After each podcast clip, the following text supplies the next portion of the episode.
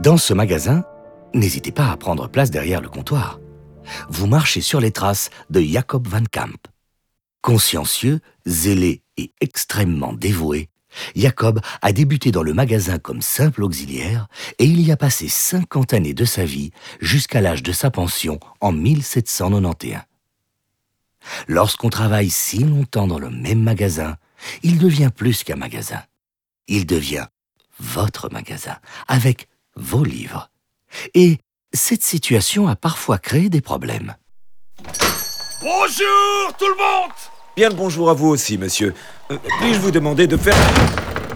Euh, de fermer calmement la porte. Hein Quoi Je t'ai pas compris Cette porte fait un boucan d'enfer, hein Presque autant de bruit que vous, monsieur. Hein Pardon À votre service.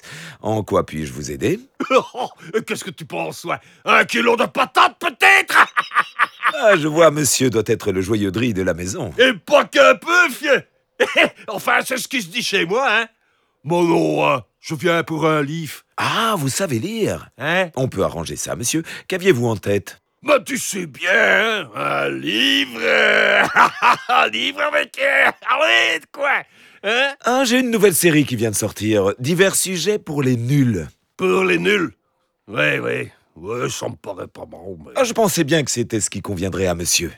Eh, je voudrais te demander, t'a- t'aurais pas quelque chose de plus. piquant, quoi. Piquant.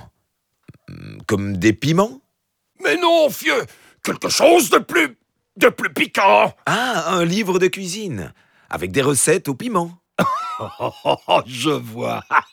Vous plaisantez, là. Ah non, pas vraiment. J'ai réellement tout, vous savez. Je pensais plutôt à un livre de. cette série interdite. Nous n'avons pas cela, désolé.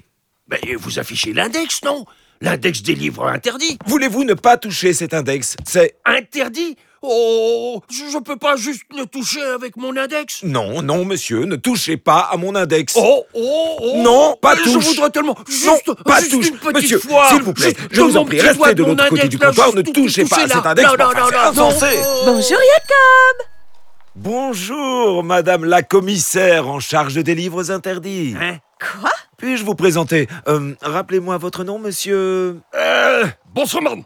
Euh, Coponon. bonsoir, man, Coponon. Ah, J'ai un trou de mémoire.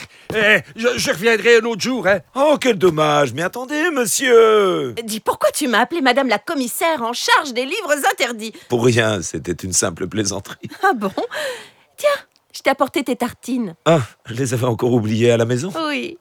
Au revoir mon chéri. Au revoir, trésor. À tout à